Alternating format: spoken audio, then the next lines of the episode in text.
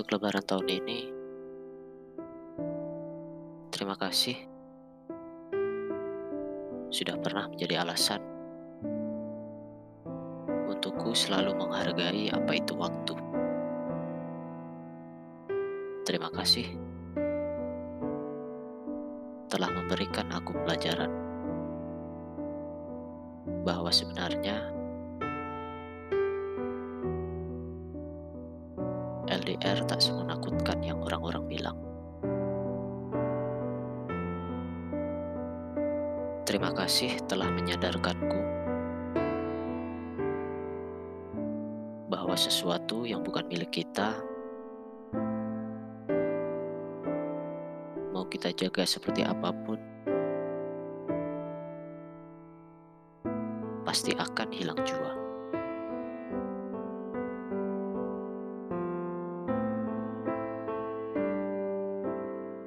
Terima kasih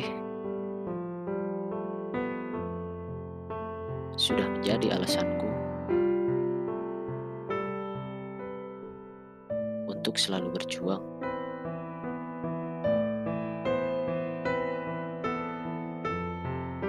Meski akhirnya